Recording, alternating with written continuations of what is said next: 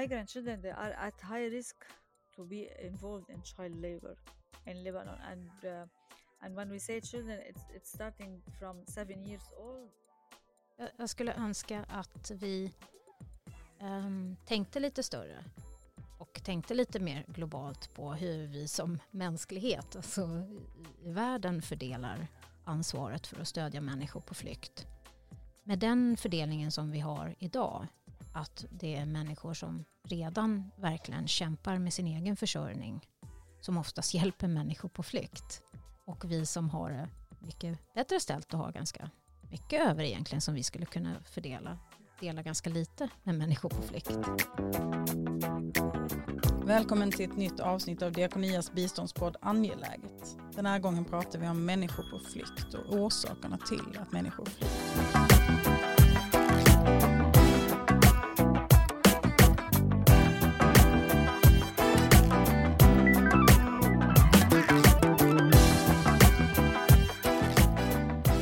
17 år. Så länge bor en människa i flyktingläger i snitt, enligt FNs flyktingorgan UNHCR. Runt 84 miljoner människor är på flykt i världen. Nästan 50 miljoner av dem är internflyktingar, alltså människor som flyr inom sitt eget land. Nio av tio flyktingar finns i den fattiga delen av världen, en av tio kommer till rika länder. Människor flyr krig och konflikter, men många flyr också för att de lever på en plats där det inte finns mat, jobb eller sjukvård. Att fly för att klimatförändringar gör det omöjligt att bo kvar blir en allt vanligare anledning. Hej och välkomna till avsnitt 6 av Diakonias biståndspodd Angeläget. Idag är det jag, Sofia Hallonsten, som leder er genom programmet. Då säger jag välkommen till Minna Fredriksson, rådgivare för konflikt och rättvisa på Diakonia.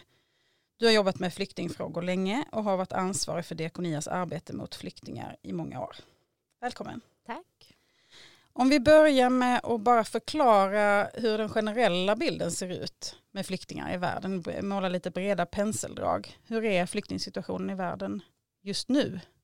Jag skulle säga att den är illavarslande och eh, vi har haft eh, ökat antal flyktingar under flera år och det ser ut som att den utvecklingen fortsätter tyvärr. Var i världen är flyktingsituationen värst?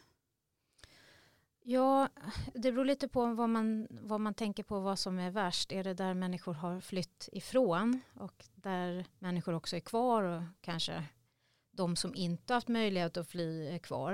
Eh, människor med funktionsvariation eller gamla människor och så vidare som oftast har mycket svårare och som stannar kvar. Eh, eller är det där människor har flytt till där man kanske har en tillvaro som är helt osäker. Man har inga rättigheter utan man måste liksom lösa varje dag eh, sin försörjning när det gäller till mat, vatten, eh, barnen har inte skola, hälsovård kanske, tillgång till det. Och man måste liksom lösa det där varje mm. dag när man stiger upp. Finns det flyktingar i alla delar av världen? Nej, eh, alla delar av världen. Jo, det finns nog i alla delar av världen, men, men eh, fördelningen är ju väldigt, väldigt tydlig. Att de flesta människor på flykt är i länder som har begränsad ekonomisk utveckling. Om man skulle hårdra det säga fattiga länder då. Eh, och en av tio människor på flykt eh, har kommit till den rika delen av världen. Europa då till exempel och Sverige. Men om vi går in på orsakerna då, varför flyr man? Väldigt många har ju flytt krig, eh, politiskt våld, brist på försörjning på det viset att man inte ens har mat då, alltså extrem fattigdom. Självklart brist på det mest basala hälsovård och sånt som att man, man lever ett, ja, i diakonia skulle vi säga ett ovärdigt liv. Alltså man kan inte ens eh, tillgodose sina mest basala behov. Det är den typen av situationer som människor flyr.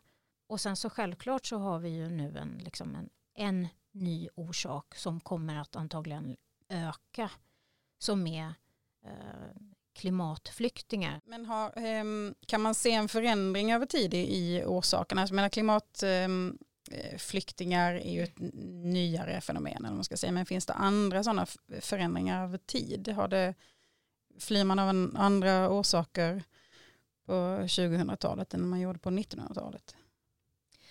Jag tror att krig och konflikt har varit en ganska konstant eh, faktor. Det som har ändrat sig såklart är ju antalet människor som drabbas förstås. Att det kan vara så extremt som vi har sett i fallet Syrien nu då, i närtid. Att det liksom är så, så många miljoner människor helt enkelt som måste, som måste lämna.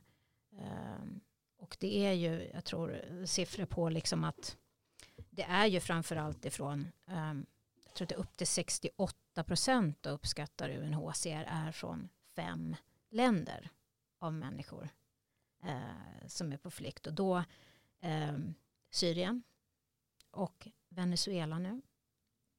Afghanistan, Sydsudan och Myanmar. Eh, så tittar man på de som, som flyr idag så, så finns det god grund för att säga att, att krig och, och politiskt våld fortfarande är en av de största orsakerna som gör att människor flyr. Men eh, en sak som vi inte pratade om när det gäller orsakerna, nu har vi ju eh, de, det senaste ett och ett halvt, snart två åren har vi haft en pandemi. Hur har det påverkat flyktingsituationen i världen? Ja, det har påverkat väldigt mycket faktiskt. Um, jag kan tänka två saker som jag skulle nämna då. Och en är ju att uh, Eh, de ställena i världen som, som så att säga, där det finns mest antal människor som har kommit, som har flytt, det är också de delarna av världen som har drabbats allra hårdast av pandemin på så vis att de har mest antal människor som har förlorat sin försörjning och som nu lever i fattigdom på grund av pandemin. Det vill säga människor som tidigare hade en försörjning men sen som då har förlorat den. Och där finns då också flest antal människor som har kommit dit för flykt. Så att där finns det liksom som en, en dubbel börda som slår. Som är att det är människor som inte har som också nu försöker att dela kakan med människor som kommer som har flytt.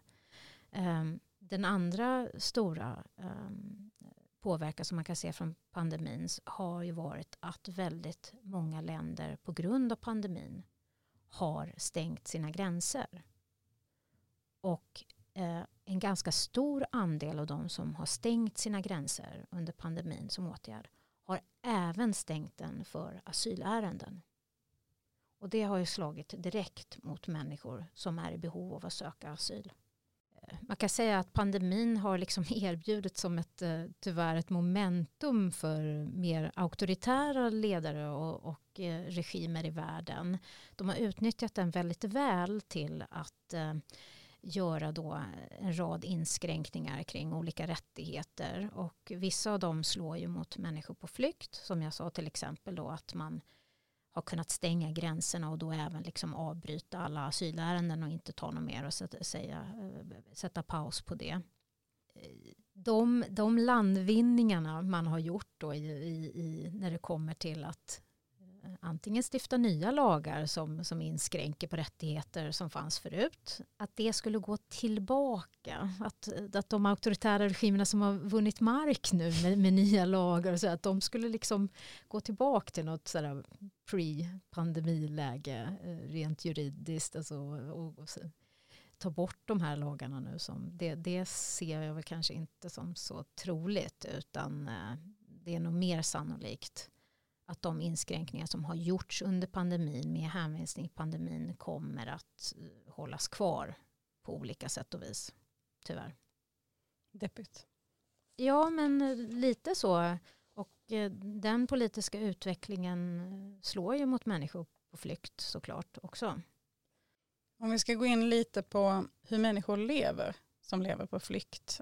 En del människor befinner sig ju i ehm, permanenta flyktingläger, har bott där i många år. Eh, jag såg att UNHCR sa att 17 år är snittet mm. på tiden man bor i ett flyktingläger. Så, det, så där befinner sig en del. Andra människor befinner sig lite överallt. Kan du beskriva lite hur, hur du ser att en människa på flykt har det.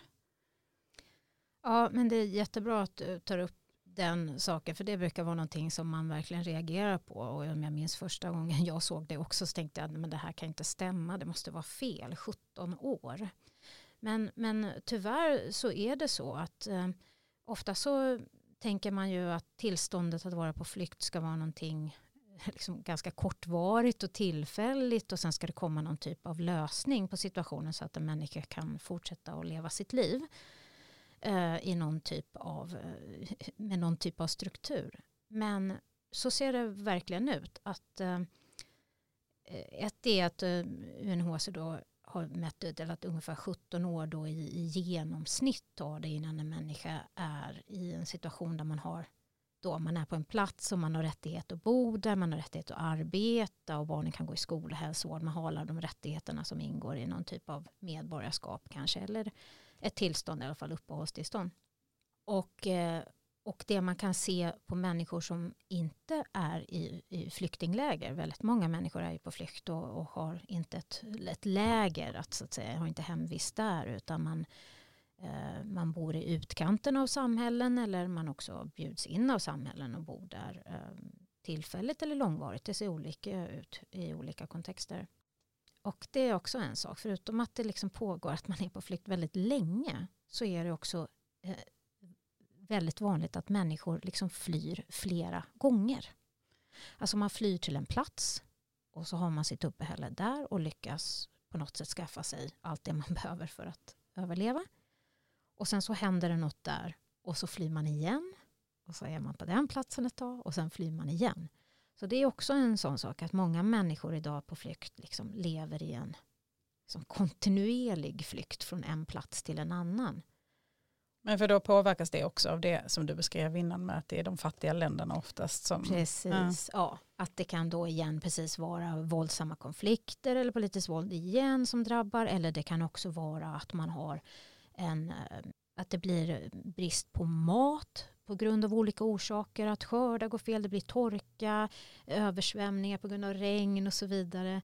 Hur är skillnaden för män och kvinnor på flykt? Är, det, är man mycket mer utsatt som kvinnlig flykting än som manlig? Man, man är i alla fall utsatt på olika sätt beroende på liksom vilket ansvar man har.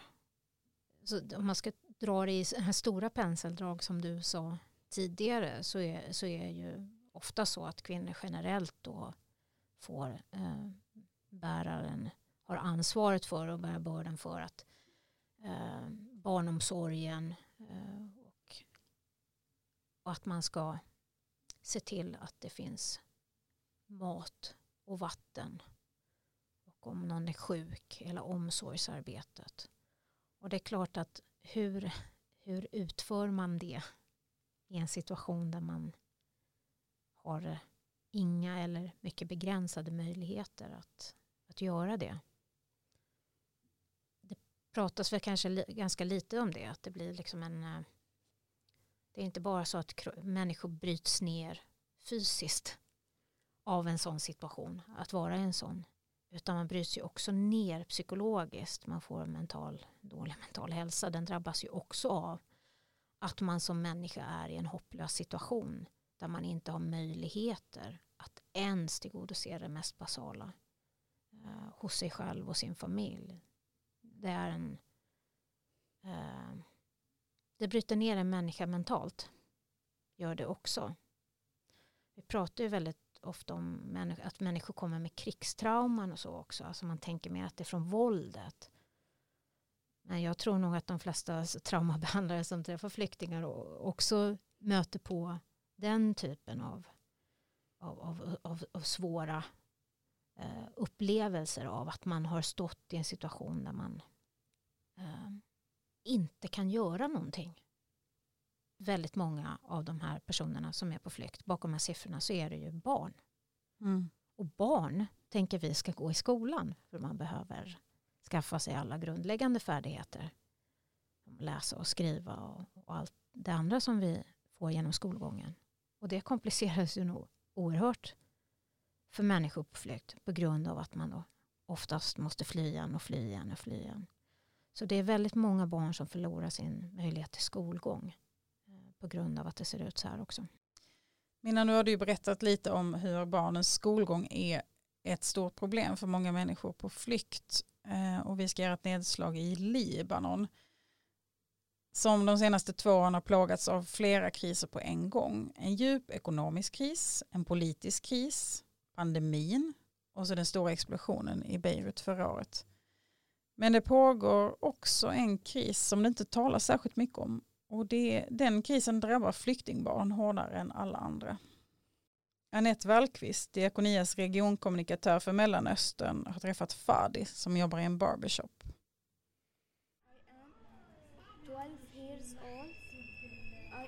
Eh, Fadi vill bli läkare när han blir stor så att han ska kunna hjälpa andra. Men hur det ska gå till det är det ingen som vet. För Fadi är ett av de många syriska flyktingbarn som inte får gå i skolan. De syriska barnen i Libanon har hamnat i kläm eftersom ingen betalar för att de ska få undervisning. Jag träffar Fadi på ett av de center i Beirut som Diakonia samarbetsorganisation driver. Dit kommer barn som antingen riskerar att hamna i barnarbete eller som redan arbetar. Många av barnen som kommer till centret är flyktingar och trots att de är kanske bara 10-12 år gamla försörjer vissa av dem en hel familj.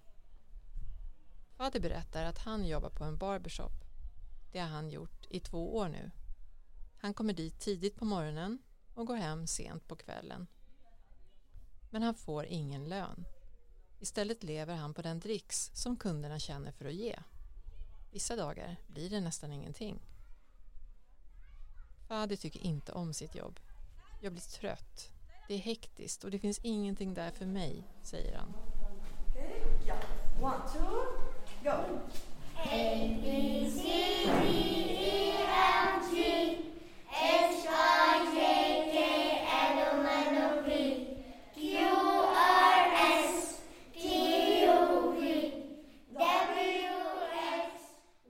fredagarna som är ljuspunkten i Fadis liv. Då är han ledig och får komma till centret. På centret får barnen informell undervisning. De lär sig räkna och skriva, lite engelska och hur man hanterar en dator. Men framför allt får de lära sig om sina rättigheter och vad de kan göra för att skydda sig själva från övergrepp eftersom de rör sig i så otrygga miljöer. The latest report I, I have seen about the, the situation of children uh, migrant children like it mentions that 50% of syrian refugee children now are engaged in child labor. And uh, and children dropped out since march 2020 uh, after launching this distance learning model. So migrant children they are at high risk to be involved in child labor in lebanon and uh, and when we say children it's it's starting from seven years old Ungefär 50 procent av alla flyktingbarn har efter de senaste årens kriser börjat arbeta i Libanon.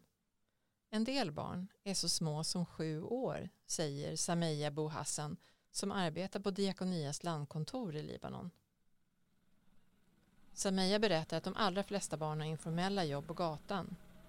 De säljer näsdukar, tuggummin eller plastskräp som de hittar på gatorna eller i soptunnorna. Barnen tvingas jobba för att hjälpa till med familjens försörjning eftersom deras föräldrar får allt svårare att få jobb och därmed också tuffare ekonomiskt. Men att barnen är ute på gatorna för att tjäna pengar beror inte bara på fattigdom. Det beror också på att barnen inte går i skolan, som de ju faktiskt har rätt till. De syriska barnen har inte gått i skolan alls de senaste två åren. Först på grund av pandemin och nu för att ingen betalar för barnens skolgång.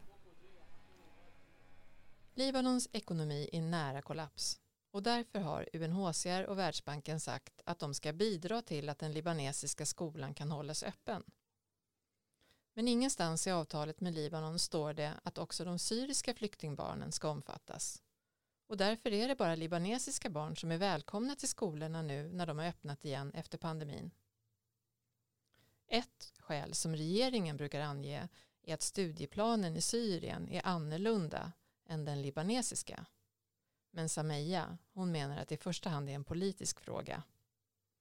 the Lebanese government can integrate or uh, receive uh, Syrian refugee children in their school if the international uh, or the world countries or embassies or whatever they called uh, they support uh, them with fund and they ask them to do this. But it's a political decision because lebanese uh, sorry the lebanese government they don't want these uh, syrian refugees to stay in the lebanon. They want them to go back or leave the country. And at the same time they are not able to leave the country because of flood of uh, challenges uh, back in Syria and, and, and other countries. Libanesiska regeringen vill bli av med flyktingarna. Problemet är att de inte har någonstans att ta vägen, berättar hon. Så när det inte finns någon skola att gå till, då tycker föräldrarna att det är bättre att barnen bidrar till föräldrarnas försörjning än att de inte gör någonting Where alls. do you want to live when you are grown up? المهم بتحب تعيش باستقرار عم بأمريكا بأمريكا. America? Yes. Oh. so do, have you Fadi think- drömmer have om you att thought hans about how familj you can ska get få en to möjlighet America? att resa till Amerika. där finns det skolor och han kan få studera och lära sig saker, säger han. They still have dreams um, because we all know that children s- uh, have dreams all over the world, regardless of their conditions. Uh, and these children, yes, have dreams. Uh, although the the context or the circumstances is not like uh, uh, friendly or allowing them to meet their dreams. Uh, Alla barn har drömmar, trots de stora hinder de står inför, säger Sameya. Men i det här landet är det inte möjligt för dem att få sina drömmar uppfyllda. De skulle ha större chanser om de fick flytta till ett annat land. Vad de här barnen behöver är ett mirakel, säger hon.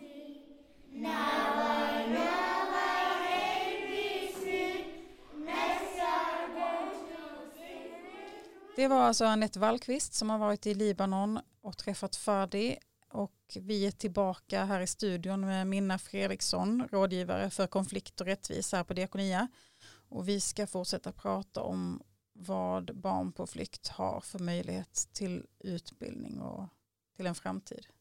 Hur, ehm, hur, hur mycket påverkar eh, utbildningen eh, sen deras, alltså barnens framtidsutsikter. Jag menar vi vet att utbildning är viktigt såklart men om man tänker i relation till att fortsätta vara på flykt. För jag menar när du beskriver att man ständigt är på flykt på något sätt. Att det, bara, det låter ju nästan som om det är generation efter generation.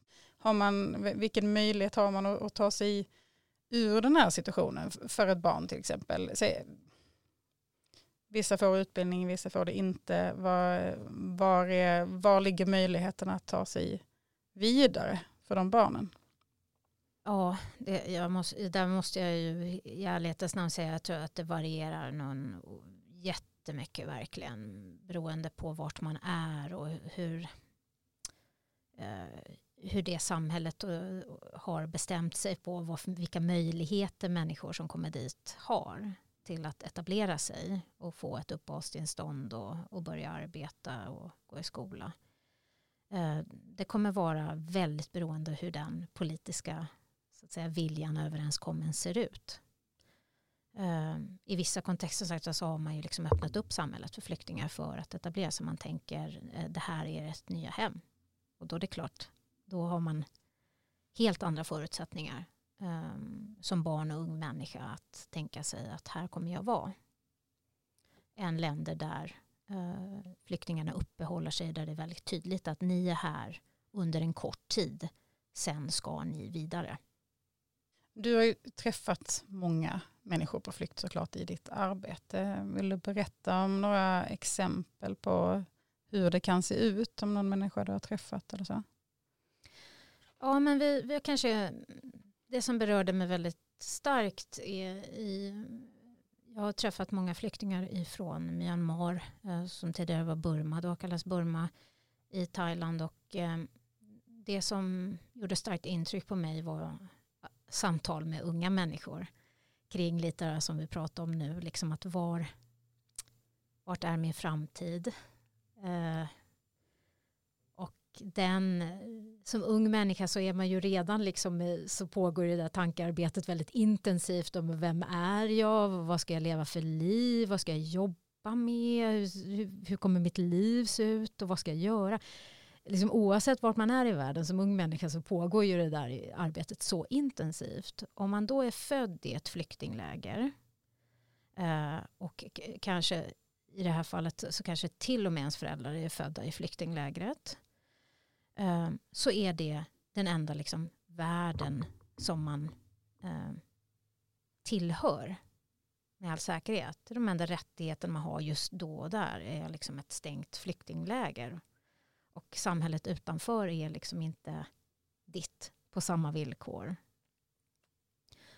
Och det som är ditt hem då på papper har du aldrig varit i. Du har, ingen, du har, du har liksom aldrig satt din fot där. Men det är dit du ska, det är det som är ditt hem. Att vara ung i det och förstå hur man ska tänka sig vart jag ska och vad jag ska göra är väldigt, väldigt svårt. Ehm, och många mår väldigt dåligt av det. Och där finns det också en, en liksom större politisk process som pratar om dig. Om vad du ska göra. Och säger eh, ni ska återvända. Det är liksom också att som att du inte ägde det beslutet om vart du ska i världen. Det tycker jag är svårt att leva sig in i. Att någon skulle bestämma för mig vart jag ska någonstans, var jag ska leva mitt liv. Vad tycker du att rika länder och vi som bor i rika länder har för ansvar för den här situationen? Ja, alltså, jag tänker att vi har samma ansvar i alla fall som alla andra i världen. Så skulle jag gärna vilja se det. Jag, skulle önska att vi um, tänkte lite större och tänkte lite mer globalt på hur vi som mänsklighet alltså i, i världen fördelar ansvaret för att stödja människor på flykt. Eh, med den fördelningen som vi har idag att det är människor som redan verkligen kämpar med sin egen försörjning som oftast hjälper människor på flykt. Eh, och vi som har det mycket bättre ställt och har ganska mycket över egentligen som vi skulle kunna fördela, dela ganska lite med människor på flykt. Eh, det tycker jag är problematiskt. Och eh, man försöker förstå varför det ser ut så. Eh, är, det, är det min vilja som individ? Vill jag att det ska se ut så? Är det så vi tycker i min kommun? Är det så vi tycker i Sverige att det ska se ut? Det tycker jag är någonting som eh, skulle behöva diskuteras på ett mer eh, ja, politiskt och etiskt plan. För nu känns det som att det blir, det blir väldigt mycket säkerhet, det blir väldigt mycket stängsel, det blir väldigt mycket militärer och eh, det känns, eh, det känns inte rätt. Flyktingfrågan får liksom inte bli hur vi hjälper människor på flykt i världen får inte reduceras till en, eh, till en säkerhetsfråga. Men om du, hade, om du tänker dig att eh, det finns svenska politiker som lyssnar på det här, eh, vad vill du säga till dem då? Vad är det de behöver göra för att det ska bli annorlunda? Ja, um, det, det finns ju det här begreppet om samstämmig politik och jag tror att när man tittar på eh, vem, man, vem man är i förhållande till människor på flykt så behöver man verkligen eh, se det så brett. Det är så många eh, politikområden som man behöver ta in. Ehm, en sak är ju förstås vad vi gör när eh, krisen är ett faktum när människor redan är på flykt och vad gör vi då så att säga i respons till det. Ehm, men det andra är ju också vad gör vi som, som land eh, internationellt också för att förebygga att människor behöver fly. Och, och där är ju till exempel utvecklingsbiståndet såklart och det stödet som Sverige ger till eh, demokratiaktivister och till demokrati, eh, demokratiseringsprocesser, mänskliga rättigheter vet vi och också arbetet för jämställdhet och jämlikhet är ju liksom otroligt viktigt. För att det, det är då vi jobbar med de grundorsakerna som gör att människor flyr i, i början. Men det är klart att det, det utvecklingsbiståndet kommer inte eh, och likaså såklart det humanitära biståndet kommer inte lösa frågan utan det handlar ju också om handelspolitik såklart. På eh, att, att rannsaka det också. Finns det där också kopplingar som gör att vi bidrar till att människor flyr? Och det är klart att då Sveriges vapenhandel, jag kan inte låta bli att nämna den förstås, är en, en sån sak som man bör fundera över. Att eh, om nu situationen för människor på flykt ser ut så här och antalet ökar och så vidare, eh, är verkligen eh, vapenexporten, eh, den svenska vapenexporten, kan man utesluta att den inte bidrar till det här? Många menar att det inte är så. Det sitter ju också människor som du och jag och lyssnar på det här och, och, och känner sig kanske lite maktlösa. Om man bara är en helt vanlig person, vad, vad kan man göra då för att förändra den här situationen? Jag tror man kan göra oftast otroligt mycket mer än vad man, vad man kanske först ser själv när man, när man ser det. Eh, ja, jag skulle säga att eh, som alltid så börjar någonting på ett personligt plan som, som handlar om att, eh, att tror jag lyfta blicken lite också och eh, förstå hur, som jag sa, hur flyktingsituationen ser ut i världen och tänka okej, okay, vem, vem är jag i det? Eh, kan jag erbjuda stöd till någon som individ till en annan individ? Eh, den nivån låter kanske alltid liten och, och futtig men det är ju där allting börjar så att säga i, våra, i världen. Den, den nivån är lika viktig som allting annat. Men sen såklart på det stora planet i Sverige så handlar det ju om att man ska engagera sig politiskt förstås och försöka påverka den politik vi för. Eh, och att i det värna den ehm, så att säga, mänskliga rättigheten som, som vi har kommit överens om att när människor flyr krig och förtryck och en situation där man, liksom, man dör och man stannar där ska vi hjälpa till som medmänniskor. Ehm, och ja, som jag sa, det, det finns såklart att ja, Sverige kan inte ta emot alla och Sverige har gjort så mycket och så vidare. Men den fördelningsfrågan, där behöver man nog lyfta blicken lite och eh, Sverige jämför sig med vad? Ehm, det finns eh, en rad länder i världen som har betydligt mindre resurser än Sverige som faktiskt drar en väldigt, väldigt, väldigt större börda än vad vi gör och delar mycket, mycket mer.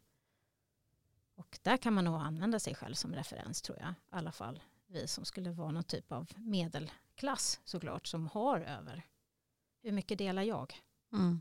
Skulle jag kunna dela mer? Vill jag dela mer?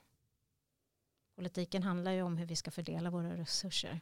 Så att, eh, Men om du får liksom eh, spåna fritt här nu då som Mm. avslutande, eh, om du fick bestämma, eh, vad gjorde du då? Va, va, hur hur eh, rättar man till den här situationen på bästa sätt? att, att säkra att det finns asylprocesser som fungerar. Att människor som, som flyr liksom får eh, det bekräftat att ah, vad det är man flyr ifrån. Det måste liksom fungera. Alla människor på flykt måste på något sätt kunna inleda en asylprocess. Det är ju fundamentalt. Och sen att när människor då har fått bekräftat att man då så snabbt som möjligt får en rättighet till att uppehålla sig och arbeta på en plats. Det är liksom nyckeln till. Man måste få börja ett nytt liv. Eh, det är ju vad de flesta människor bara önskar. Så eh, när man inte ger en människa det, då har det liksom massa, massa katastrofala följder som drabbar individen, men som också drabbar det samhället där individen är. För de, den brottsliga verksamheten som byggs upp kring att utnyttja människor på flykt som inte får sina rättigheter, den är ju skadlig för samhället också. Det var en fin avslutning tycker jag. Tack så jättemycket Minna Fredriksson, rådgivare för konflikt och rättvisa på Diakonia, för att du kom hit. Tack. Vi hoppas att vi i kommande avsnitt kan prata med eh, svenska politiker, kanske rent av ministrar, om hur deras ansvar ser ut för människor på flykt. Men det här avsnittet avslutar vi med en reflektion från Gabriella Riddés som är ansvarig för stora givare här på Diakonia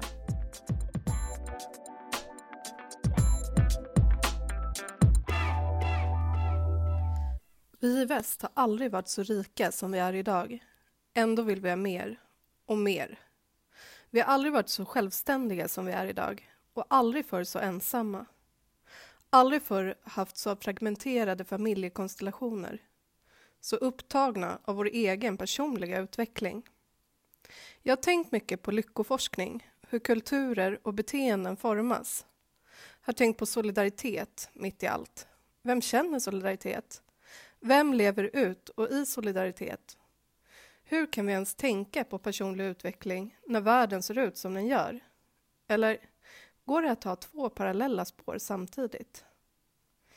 Jag tänker på mitt besök i Libanon, på de överfulla informella flyktingläger jag besökte. Jag tänker på de människor jag träffade som hade gott mod om framtiden. Sen kom en regeringskris, ekonomisk kris, en kolossal explosion och covid-19. Va? Hur i hela fridens namn klarar de det? Nej, Gabriella, vi klarar inte det. Vi tvingas leva i det, säger min kollega Hoda Kara i Libanon när jag frågar om situationen. Hon fortsätter. Det svåraste är faktiskt att leva och överleva, både fysiskt och psykiskt.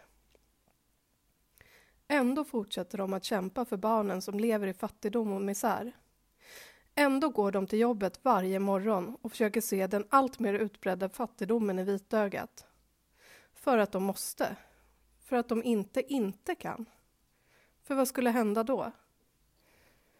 Jag pratar med Hoda, varmaste, mest karismatiska Hoda, som är chef för Diakonias samarbetsorganisation Dar Alamal. En sån råstyrka, tänker jag. Att hon går upp varje morgon, går till jobbet, gör allt hon kan för att så många barn som möjligt ska få hopp om framtiden. För att så många barn som möjligt ska få åtminstone ett mål mat om dagen. Ska få utbildning, ska få bearbeta sin situation och sina uppväxter i terapi. Lekterapi, dansterapi, konstterapi. Ja, Dar Alamal har en mängd olika sätt att hjälpa de här barnen på. Och jag tänker, vi måste hjälpas åt. Vi måste kunna se både vår egen situation, oavsett hur den är här hemma i vårt rika samhälle, och samtidigt ha så pass mycket empati och solidaritet att vi också kan se det andra. Det är givetvis omöjligt att hjälpa till överallt, men med relativt enkla medel går det att vara del av något större, något som faktiskt förbättrar liv, ger hopp, ger framtid. Vi kan lösa lokala problem globalt. Historien visar det.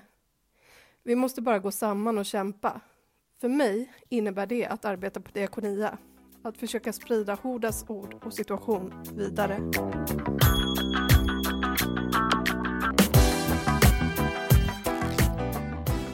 Tack för att ni har lyssnat. Jag heter Sofia Hallonsten och det här är Diakonias biståndspodd Angeläget.